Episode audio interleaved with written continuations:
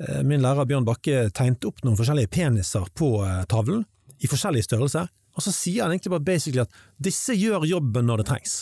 Små peniser, store peniser, it's all okay.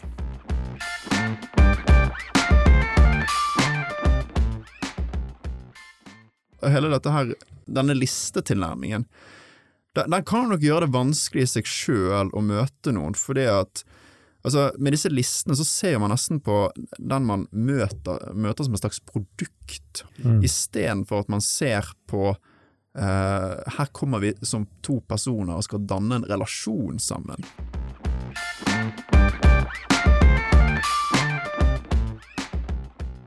Det kan virke som at når man på en måte ikke trenger å være avhengig av andre mennesker, så blir vi kanskje mer kravstore knyttet til parforholdet vi skal være i. Hm. Særlig når det kommer til kanskje dette med eh, seksuell tiltrekning, begjær og, og lidenskap.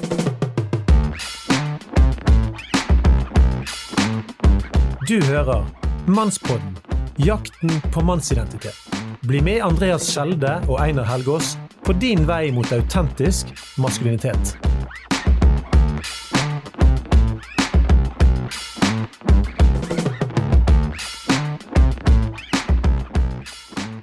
Det er en grunn til at Leonardo DiCaprio finner sin nye kjæreste på catwalken til Victoria's Secret, og ikke hos en dyrevernsorganisasjon.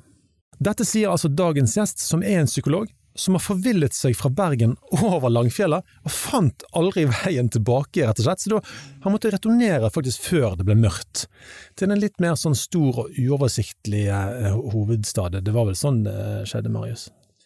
Det var ganske sånn det, det, skjedde. Det var jo dama mi som dro meg med hit, trodde jo aldri det skulle skje, men nå er jeg veldig glad for at dere har dratt meg med tilbake igjen til et sånt mikrobergen her i, eh, på Holbergs eh, plass.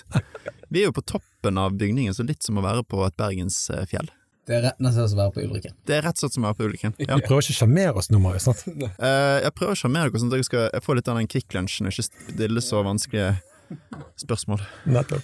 Let's do it. Men velkommen i Mannsbåten, Marius. Takk for det.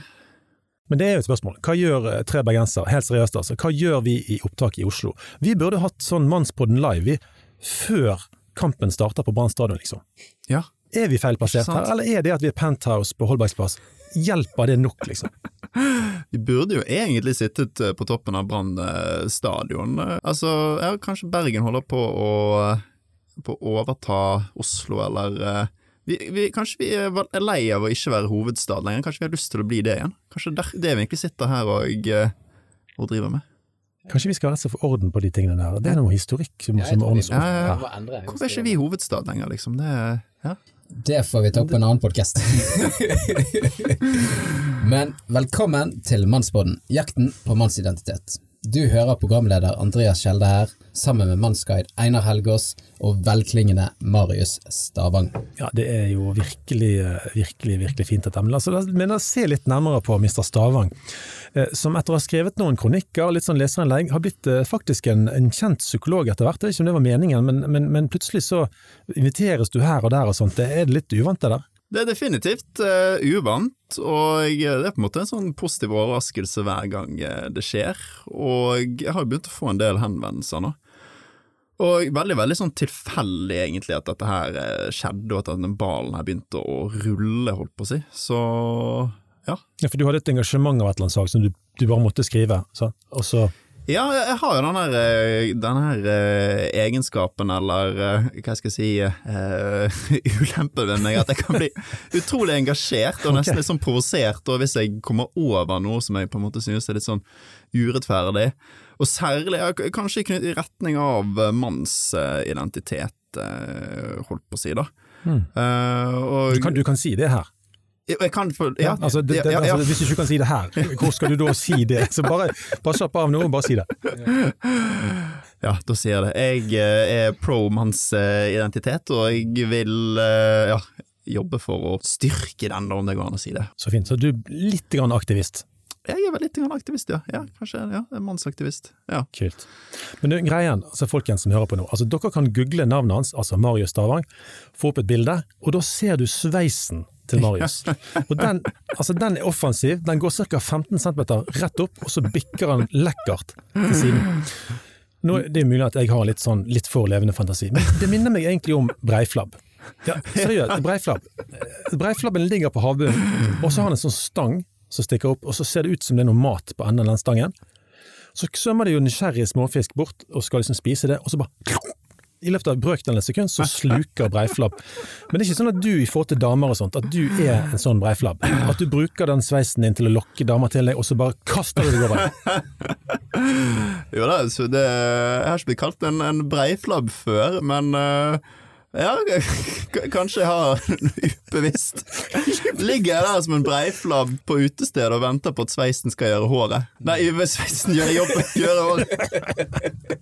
Først Sveisen gjør håret. håret, det var eh, Ja. Først kommer vel hår, og så kommer sveisen, og så kommer damene. Ja. Men du er jo faktisk forlovet, så du, er vel ikke, du bruker ikke håret ditt så akt... Jeg har ikke vært på så mye breiflabbtokt eh, i det siste. Jeg har faktisk en båt som heter breiflabb, det er ikke Du tull. har det, ok? En over 100 år gammel trebåt som heter breiflabb. Den ligger liksom, den er ganske ligger breit der på, på, Den ligger der og, ja, på Nordfjorden og dupper. i. og dupper litt. Men, men Marius, vi må, vi må videre. Ja, for Marius, du skriver i avisen om attraksjon, sex og incels. Og hvor kommer dette engasjementet fra? Engasjementet mitt for, for mannsidentiteten det ble jo òg vekket når jeg eh, var student. Jeg var med som journalist for denne studentavisen Stoff, og det var i en tid da der eh, man skrev mye om damer som opplevde eh, utseendepress knytta til eh, vaginaen sin. Og at mange jenter opplevde et press knytta til å ja, ta plastisk kirurgi av eh, vaginaen. Og så var det masse mediedekning rundt dette her. Og da tenkte jeg, men shit, menn opplever jo enda mer press knytta til, til dette her med, med penis. Det presset er jo noe man har sett at ikke bare er noe sånn imaginære greier, men noen menn opplever jo at de, de dømmes for liksom hvordan penisen ser ut, størrelse og så videre. Så da skrev jo jeg, en sak eh, om det at at eh, her må ikke vi glemme menn, for menn opplever mye underlivspress, gjerne gjennom hele livet. eh. Så det var noe av det som på en måte vekket eh, engasjementet mitt for mannsidentiteten, for jeg synes at i en del av disse her likestilling og kjønnsrelaterte spørsmål, at man kan glemme på en måte den byrden da, som mannen bærer på. Jeg har lyst til å slenge inn eh, fra min eh, oppvekst på ungdomsskolen, eh, og seksualundervisningen. Eh, Min lærer Bjørn Bakke tegnet opp noen forskjellige peniser på tavlen, i forskjellig størrelse, og så sier han egentlig bare basically at disse gjør jobben når det trengs. Små peniser, store peniser, it's all okay. Eh, Det var, jeg synes det var god undervisning, altså. Det, det er jo kjempegod undervisning, og det fanger jo definitivt essensen i det. Og problemet har kanskje sånn oppstått i nyere tid, det som jeg har skrevet om det i, i, i media i senere tid, også at vi at problemene har mer oppstått når vi har blitt mer utseendefokuserte, da. Både menn og, og kvinner, da, holdt på å si. At utseendet har fått en mye større plass. Og det, igjen, altså, det kan gjelde alt fra, fra underliv til kropp til ansikt eh, så videre. Så ja. Jeg tenker vi lever i en skjønnhetsdyrkende kultur. Helt klart. Vi lever helt klart i en skjønnhetsdyrkende kultur, og eh, det her ser man òg særlig i mer sånn moderne datingkultur, med hvor utrolig mye vekt det legges på utseende eh, der, og så videre. Og eh, ja. Men vet du noe om eh, hvor mange som ble gift liksom, på 50-60-tallet i forhold til i dag? Altså, er, er det sånn at det er rett og slett altså, Jeg vet jo at det finnes land i verden som holder på å bikke opp i å bli over 50 enslige, og jeg må bare si jeg klarer ikke i min villeste fantasi å se for meg at det skulle vært et framskritt for menneskeheten. Altså, Det må være bra at mange finner hverandre og danner disse familiene som danner disse barna som bygger dette landet. ja, om det har vært nedgang i eh, ekteskap, eh, tenker du? Ja, altså Det er jo nedgang i ekteskap Ja, pga. ja. du har samboerskap osv., men, men, men sånn generelt Ja, ja. Altså Generelt så har, ser man det på, ikke bare i Norge, men på verdensbasis, at det er en økning i andelen single. Og det er jo eh, egentlig ganske sånn paradoksalt, fordi at vi har jo bedre mulighet enn noensinne til å treffes, særlig gjennom den teknologiseringen da, av eh, dating, gjennom disse datingappene. Og man vet jo også det at veldig mange av de single, omtrent halvparten av de single, faktisk det, kaller seg for ufrivillig single. De skulle veldig veldig gjerne hatt en, en partner, hatt en kjæreste. Det er jo veldig Halvparten, høyt. Ja. Så det er Ja, halvparten sier, kaller seg selv uh, ufrivillig single. Både menn og kvinner. Både menn og kvinner. Nå er jeg ikke helt sikker på, på tallene, men jeg tror, eh, jeg tror det er ca. likt, ja. Når det kommer til de som omtaler seg eh, som, som gjerne skulle hatt en kjæreste, men som ikke har eh, fått det eller funnet det. Men disse datingappene, vi har jo alle tiders mulighet. Ja. Hva er det som gjør at eh, vi ikke finner hverandre? Ja, det er jo det mange forklaringer på, og er jo, her er det mye vi ikke vet, og det er jo mye, gjerne mye vi tror vi vet, og så er det ikke sikkert at, at det egentlig vil vise seg å stemme, eh, håper jeg, når, eh, når dette undersøkes nærmere, da. Men altså eh, Noe av det som virker som, da, er jo at vi har blitt mye mer kresne. Um, før så, så inngikk jo kanskje folk altså, ekteskap og forhold av litt mer sånn, kanskje, sånn praktiske, økonomiske grunner, og den, den, kanskje for grunner for barn og reprodusere seg selv osv.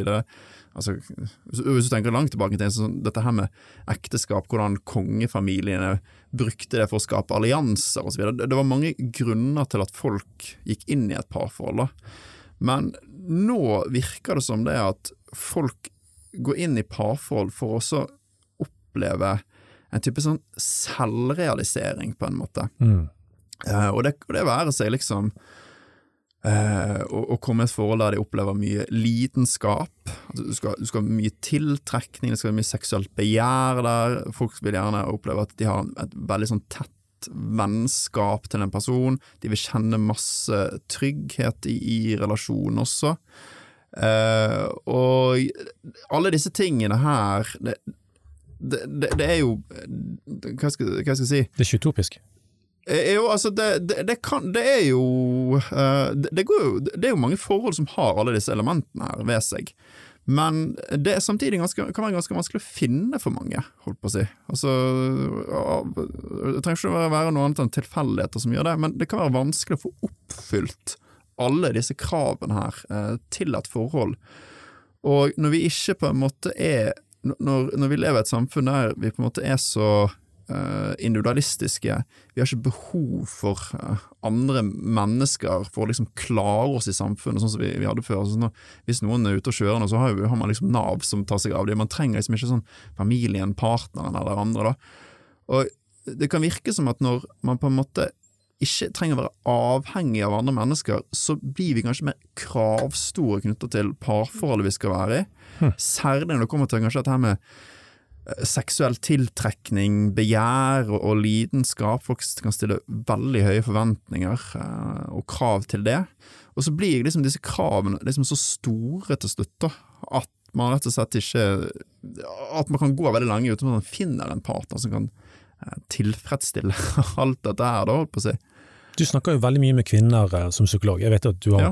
en klar majoritet av kvinner som oppsøker deg. Det har vi, ja. Eh, Og, og eh, det er jo de som sier at det er ikke uvanlig med en liste med 20 punkt, på en måte. En ting er nå hvor høy den skal være, som selvfølgelig er på mange, for, på for mange av de listene, sannsynligvis. Mm. Men hvis du har 20 punkt på en liste, paret med det du nettopp sa, alle disse store visjonene Mm. for hvordan dette skal se ut, hva, hva skjer da egentlig? Uh, bare for å si det, da. Altså, når jeg, snakker med damer i, i terapi, så, så kommer, de, kommer de ikke inn med, med sånn eh, liste med, med punkter, men det, det skjer jo definitivt. Er det mer på, er videregående det skjer? Nei, nei, det skjer hva jeg skal jeg si, Sex and the City, de har jo lært oss at det skjer vel oppover eh, i 40-årene minste. oh, ja, okay. ok. Eller var det før? Jeg vet ikke hvor lenge, hvor lenge de holdt på, og hvor gamle disse her eh, karakterene i Sex and the City ble jeg, før eh, de eh, Jeg tror de spør feil folk. Jeg tror jeg spør feil folk. Beklager, jeg kan faktisk ikke hjelpe deg.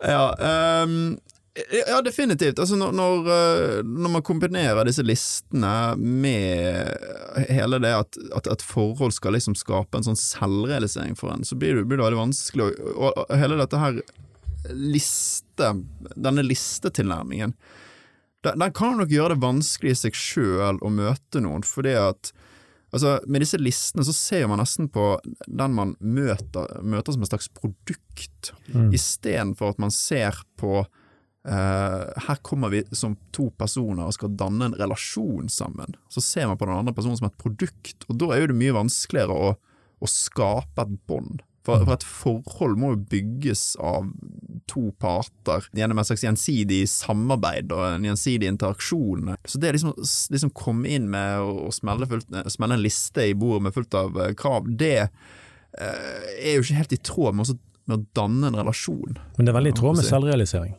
Det er veldig i tråd med selvrealisering, eh, håper jeg å si. Men eh, paradokset er er jo det at hvis vi med hele dette her, denne listetilnærmingen, så, så ja, kan jo det bare tas lenger bort fra å treffe noen, og, så, og sånn sett bli realisert på den måten. La meg kaste inn eh, eh, Jeg pleier å si at eh, kjernen i kjærlighet er offer. Mm. Er ikke det Ja. nesten en motpol til, til det der greiene her? Fordi at Jo. da skal du gå inn, og så skal du gi deg Ja. til det mennesket, og gi deg for Mm. det mennesket, og være villig til å ofre for at det mennesket skal ha det bra. Du vil bli Mm. kjent med det mennesket. Ja, hva er dine behov? Hvordan kan jeg Ja. Jeg sier ikke at dette er enkelt, men vi må jo ha mål for våre liv. sant? Mm. Hva tenker du i spennet mellom denne selvrealiseringen og Ja, som offer? Altså For meg virker det som det at folk definitivt er villig til å ofre mye kjærlighet, men eh, for at folk skal være villige til å ofre, så er det veldig mye som skal være på plass for de i et parforhold. Da skal gjerne parforholdet kjennes eh, veldig selvrealiserende ut, at alle disse tingene skal være på plass. Så det er jo mange som liksom ikke kommer dit at eh, vil ofre seg, eh, og det er jo en del som sier det at hvis ikke de kan få alle de tingene de vil ha av, en partner, altså enten, få denne listen oppfylt eller hva enn det måtte være, så vil de heller være single. Da vil de, de vil heller være single enn å uh, ofre mye. For man må, når man skal være i et parforhold, det er jo Det krever jo masse krefter og energi, og tar jo veldig mye av tiden din og livet ditt. Så Mm. og eh, mange er jo ikke, er jo ikke villige, holdt på å si, til å uh, gi alt av seg, da, når, uh, hvis, hvis de føler at um, det er mye på lista som ikke er der, holdt på å si. Og det er jo ikke nødvendigvis sånn at det er noe, noe dumt i det. Altså, det er jo ikke nødvendigvis sånn at det, det er noe, noe bra eller noe dårlig. Det, det er jo på en måte noe som eh, er et livsvalg for hver enkelt, tenker jeg, da. Jeg håper å si. Hvis du tenker at um, forelskelsesperioden, si, noen har den i én dag, og noen har den i en uke, og noen i et år. Ja. Altså, det, det er jo, forelskelse kommer jo og går, og det er jo Jeg tenker at det er godt med forelskelse i inngangen til et forhold, men så på et eller annet tidspunkt, da, uten å si noe mer om hvor tid det bør være, for det, det hjelper ikke, for det, følelsene de lever litt sitt liv, da, men så slår det inn noe som heter kjærlighet. Og det tenker jeg, det er jo viljen til å elske i såkalt gode og onde Ja, ja. dager, som enkelte snakker litt Ja. om i bryllup, for ja. Altså, og gode og onde dager funker jo ikke så godt med de listene. Altså, livet er jo to mennesker som kanskje er veldig forskjellige. Du har kjønnsforskjeller, du har personlighetsforskjeller, og så har du situasjoner og ting som skjer i livet som er selvfølgelig helt uforutsigbart. Skal du håndtere det, da tror jeg eh, denne grunnleggende viljen til at jeg elsker deg, selv om du nå er oppfører deg som en dritt, eller vi står i noe ufattelig vanskelig. Altså, Hvis det ikke blir det veldig mye partnerbytte av dette landet, hvis ikke vi kan finne Ja. tak i noe sånt. Mm, mm. Ja, mitt inntrykk er jo det at folk er villige til å, til å gi seg selv i gode og onde dager, men eh, de vil at veldig mye skal være oppfylt Ja, inntil de, de er villige til å gjøre det. Og da, da kommer vi inn på noe av det jeg snakket om på, på debatten, dette her med, med markedsverdi, eh, holdt på å si da. Romantisk, Romantisk markedsverdi. Kan jeg spørre deg, har du mekket den tittelen sjøl? Eh, Jeg har lagt til, jeg stengte på ordet romantisk. Jeg, det var ikke jeg som mekket eh, markedsverdi, det var nok Frode Thun. Ja, det skjønner jeg jo. Men det var den koblingen jeg lurte på om du For den, det var en snacksy tittel, må bare få lov til å si det. Ja, ja, fin, eh, fin tittel, det. Em, det kommer, altså det begrepet der kommer jo fra eh, engelsk, em, det engelske begrepet mate value. Og det jeg tenkte på var at altså dette markedsverdibegrepet er helt ekstremt kritisert, fordi at det hørtes så brutalt ut. Men på engelsk høres det kanskje enda mer brutalt ut, for der, altså mate value betyr jo mer eller mindre kjæresteverdi.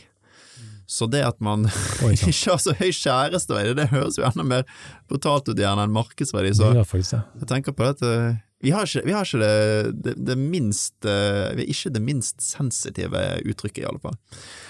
Men um, tilbake til dette her med romantisk markedsverdi. Det, det virker jo som det at Man har jo sett det at når folk dater, særlig på datingapper, da, så er jo det mange som legger veldig mye vekt på dette her med, med utseende. Og at dette her med, med seksuell tiltrekning virker å være, være veldig viktig. Altså en, en egenskap som folk legger mye, mye vekt på. Og det kan jo virke som, altså basert på de, eh, de tallene man ser i det fra, fra ganske mange forskjellige studier, at folk stiller høy krav, høy krav til utseende, seksuell tiltrekning, begjær, lidenskap, eh, mm. de tingene der, da for at man skal være villig på en måte til å, til å ofre, holdt på å si. Igjen tilbake til det med de, ja. de gode onde dager, til at, man, man, til at mange er villige til å, til å, gå dit. Det er mye mye skal være på plass for folk, da. Men, men, i det, altså, er det sånn at når vi finner den perfekte, ja. så er vi mer villige til å ofre? Er det gjort studier på det? Ja, det er det gjort uh, studier på. Man har sett det at uh, når, man, faktisk, når man forsker på det med markedsverdi, da, altså hvis jeg skal bruke det engelske begrepet mate value Når man har forska på mate value, så ser man at hvis, man, hvis folk opplever at partneren har like høy eller høyere mate value som en selv, så er man mer tilfreds med forholdet og villig til å ofre mer i forholdet, og villig til å liksom passe bedre på partneren. Uh, holdt på å si. Så det er noen, studier du ler, du ler litt av det. Hvorfor ler du av det? Uh, jeg lever av det, for det er litt sånn politisk ukorrekt å si. og det, det, er jo litt vittig òg, på en måte, at vi Altså, det er jo litt vittig at vi, at vi har en slags sånn uh, mate value-radar, på en måte. For det man tenker fra, med sånn evolusjonspsykologisk forskning, er jo at folk har en slags radar da, for der de følger med på sin egen mate value eller markedsverdi, og partneren sin mate value og markedsverdi, monitorerer den, følger med på det, og følger med på andre folks eh, markedsverdi eller mate value og, og, gjør kanskje litt sånn ubevisste utregninger, da, basert på mm. det. Skal det bli, skal det gå, skal det vurdere andre?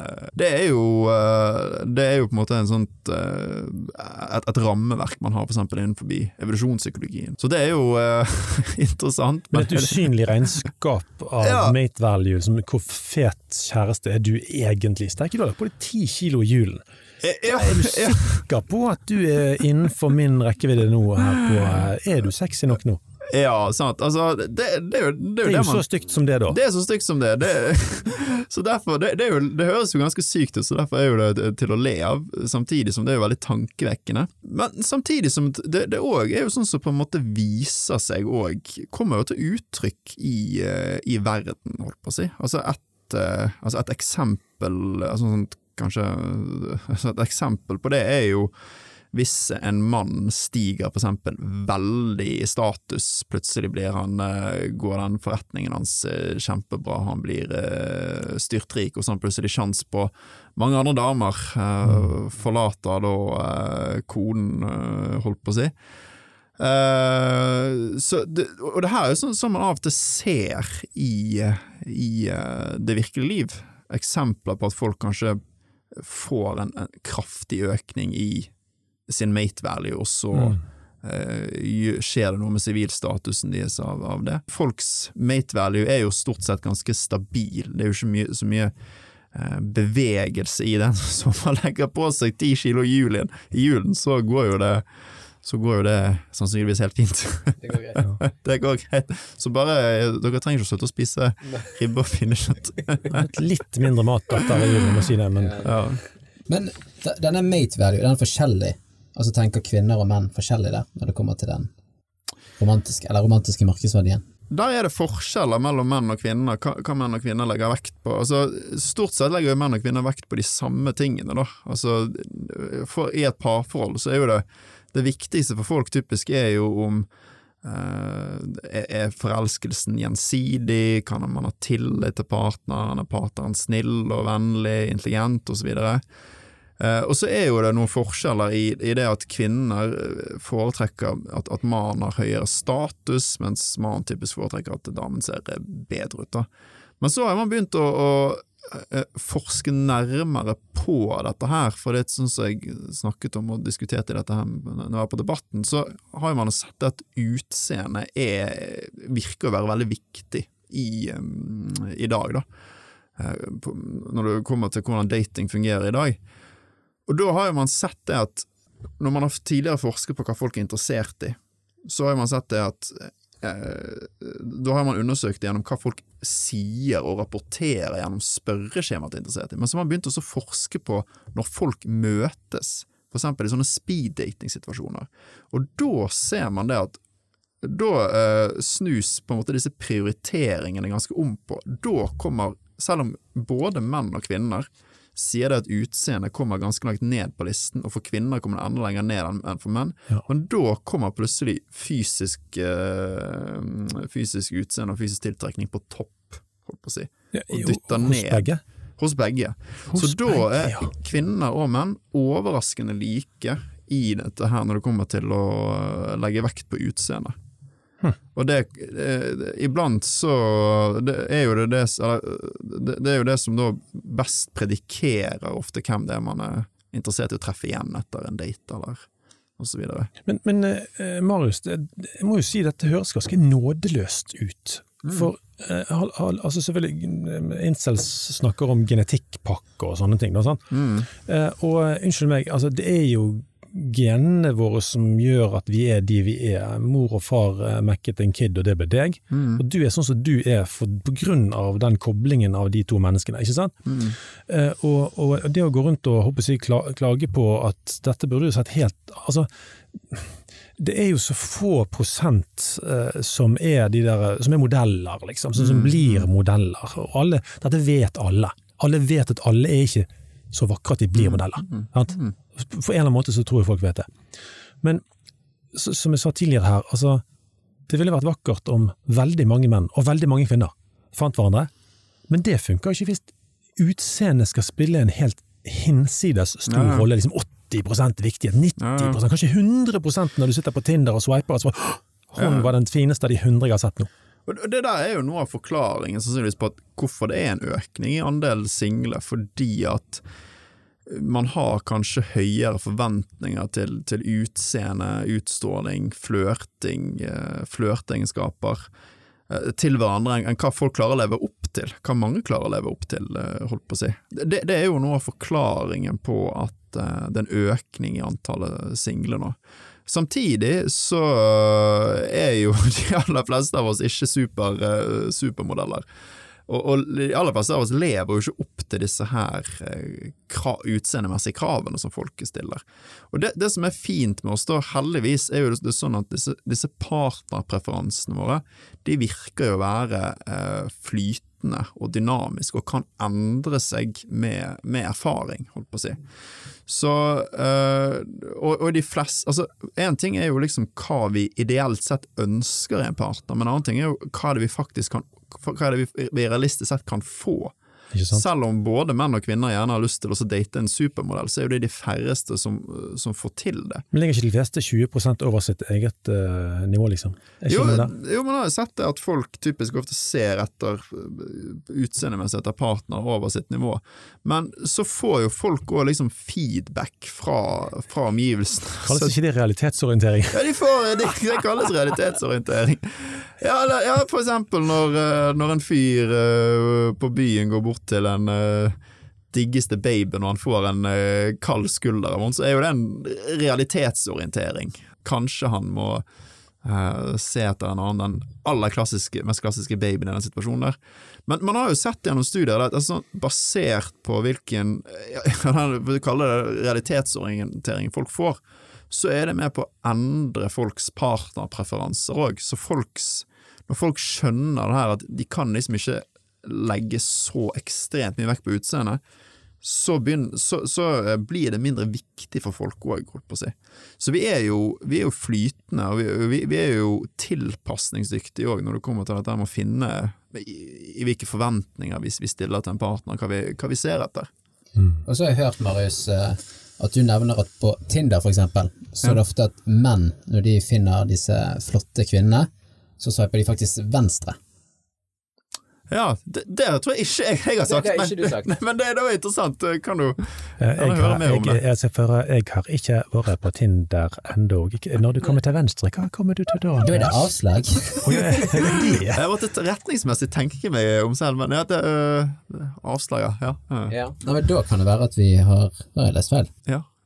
Det, det har ikke jeg, ikke jeg sagt, men det kan jo være Altså, det, det kan jo være det at al Altså, menn Man har jo sett det at uh, menn kanskje Altså, det, det som er litt morsomt det, med dette bildet som tegnes av menn Altså, menn blir jo, når det kommer til dating, blir jo ofte liksom tegnet som noen sånne her eh, neandertalske amøber som går og prøver seg på, på alt, holdt på å si. Men det man, noen studier har begynt å se, er jo det at menn er veldig sensitive på hvilke responser de får av damer. Og kanskje mer responsive på de, signal, de aksept- og avvisningssignalene de får av damer, enn hva damer kanskje, uh, enn hva damer kanskje er tilbake mot menn. At menn kanskje er, er mer påvirkbare da, av de, um, de signalene de får av damer, enn hva damer er tilbake. Eh, og er kanskje raskere på en måte liksom til å kalibrere seg selv, da, holdt på å si, knytta til at hun hun der er utenfor min liga, holdt på å si. Eh, Kan det men- være med å forklare litt incels-greiene? Og Nå er ikke de veldig mange, det er jeg klar over, men altså, altså for å klassifisere deg lavere og lavere, Ja. så må du ha vært sensitiv på veien. Ja. Og det er jo det du Ja. sier. Mm. Altså, når det kommer til, til incels, da, så, så tror jeg det, det kanskje er en litt sånn da, da tror jeg kanskje det at de har Mange av de kanskje er for avvisningssensitive. Altså, det er jo helt Ja. vanlig at menn eh, avvises av damer når, mm. både når de har lyst på en kjæreste og når de, når de ser etter uforpliktet eh, sex. Og eh, sånn som jeg har litt diskutert med, med, andre, med andre folk som forsker på disse tingene, så antar man det at de mennene som kanskje ligger mest rundt, at det er de som òg får mest avvisning, holdt på å si. Fordi at når de prøver seg mer, så vil de avvises mer, men det er samtidig jo de som, unnskyld, de som ligger eh, ligger mest rundt muligens.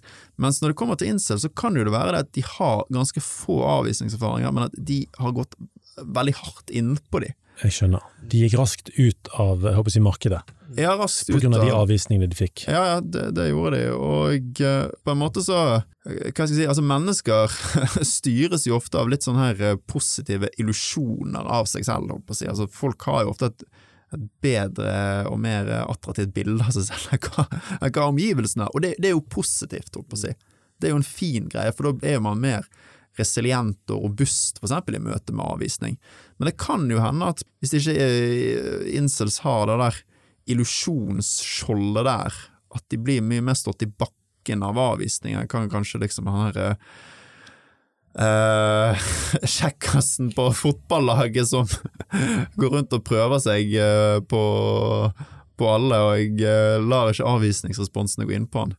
Og kanskje ender opp som en sånn Tinder-konge. Ja, kanskje han gjør det. Fem prosentene som kan Ja, ja. velge å vrake. Men kanskje han ikke var så mye mer attraktiv enn uh, incelen i utgangspunktet, men at han bare prøvde mer. eh. Der snakker man òg om liksom dette her at menn kanskje har et større mulighetsrom Ja.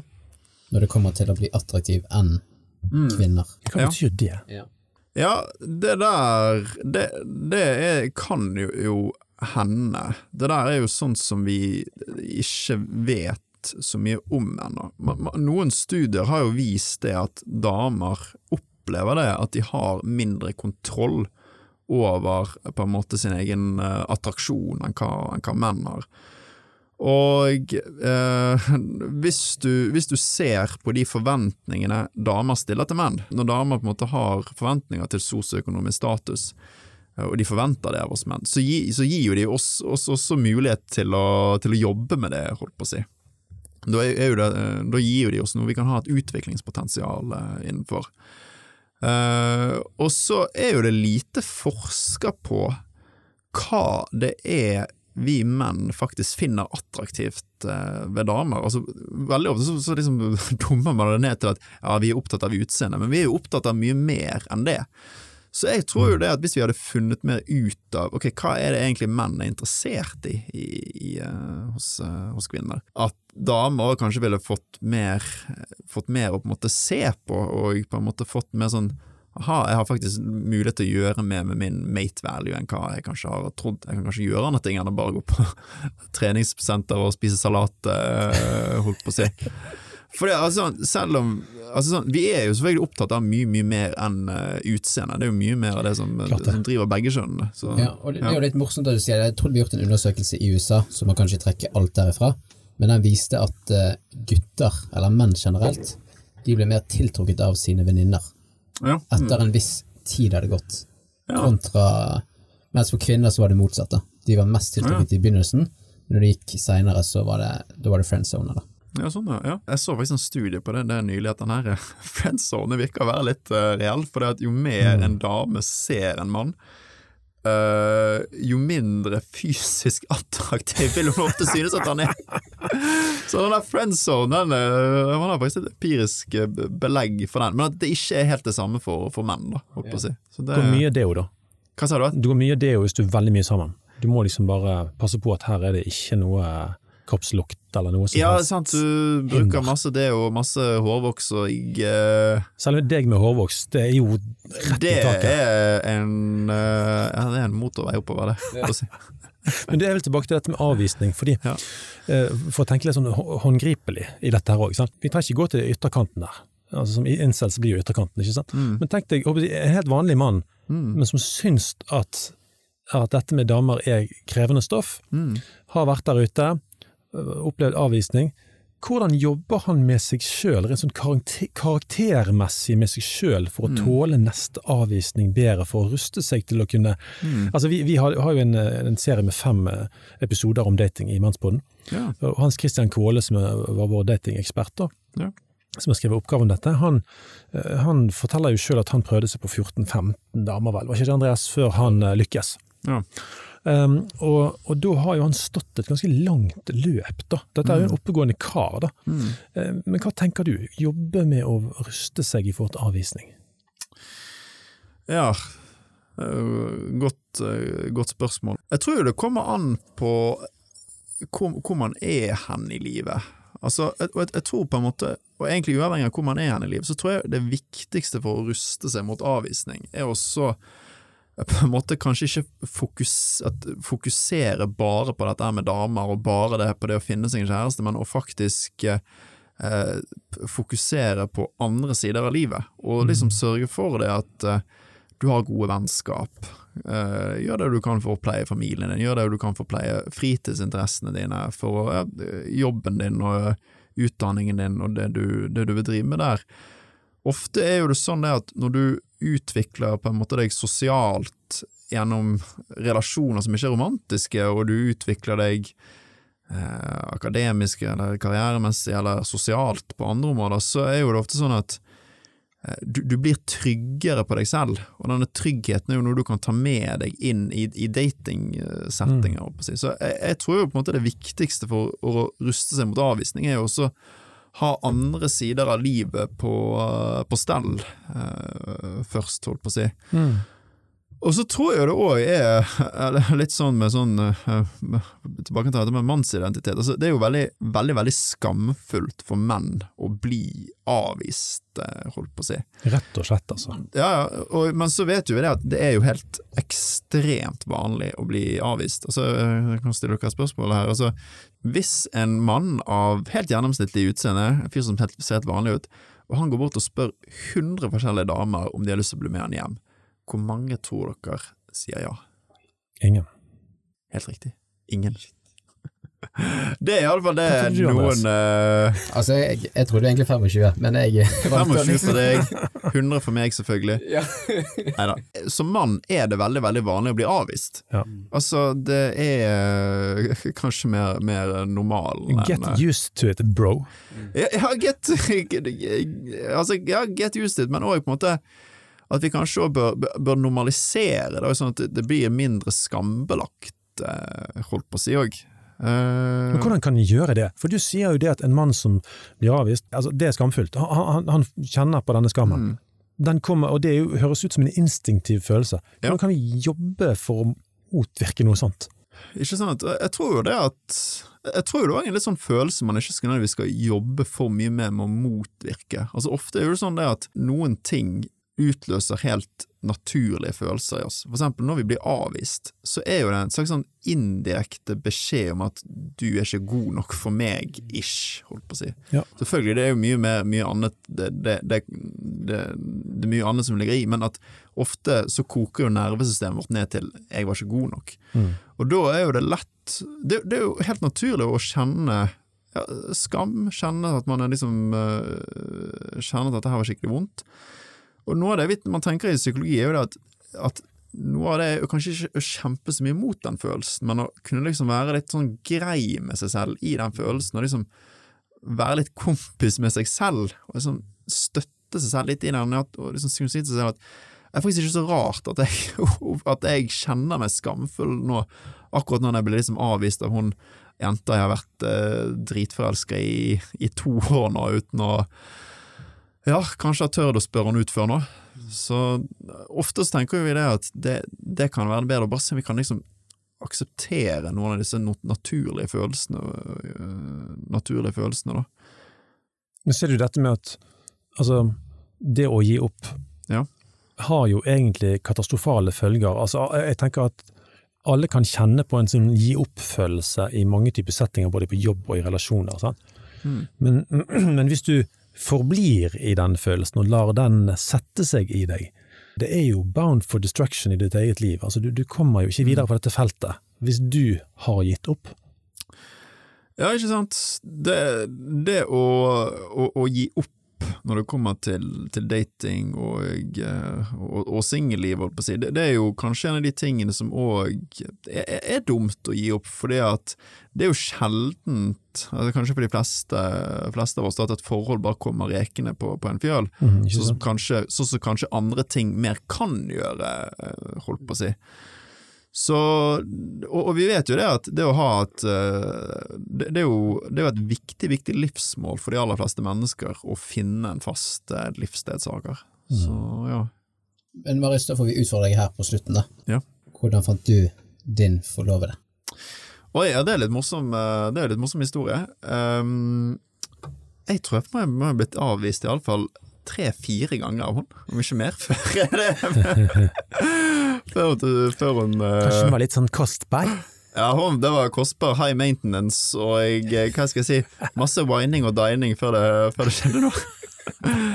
Nei, det var litt vittig, for vi møttes jo, vi møttes jo på en fest. Eh, hun likte jo meg uh, veldig godt, men, men kanskje mer som en venn. Jeg ble jo stupforelska i hun. Eh, og så hadde hun invitert meg da uh, til Kristiansand, der hun er fra, og min ønsketenking hadde jo tenkt at ok, dette var en date.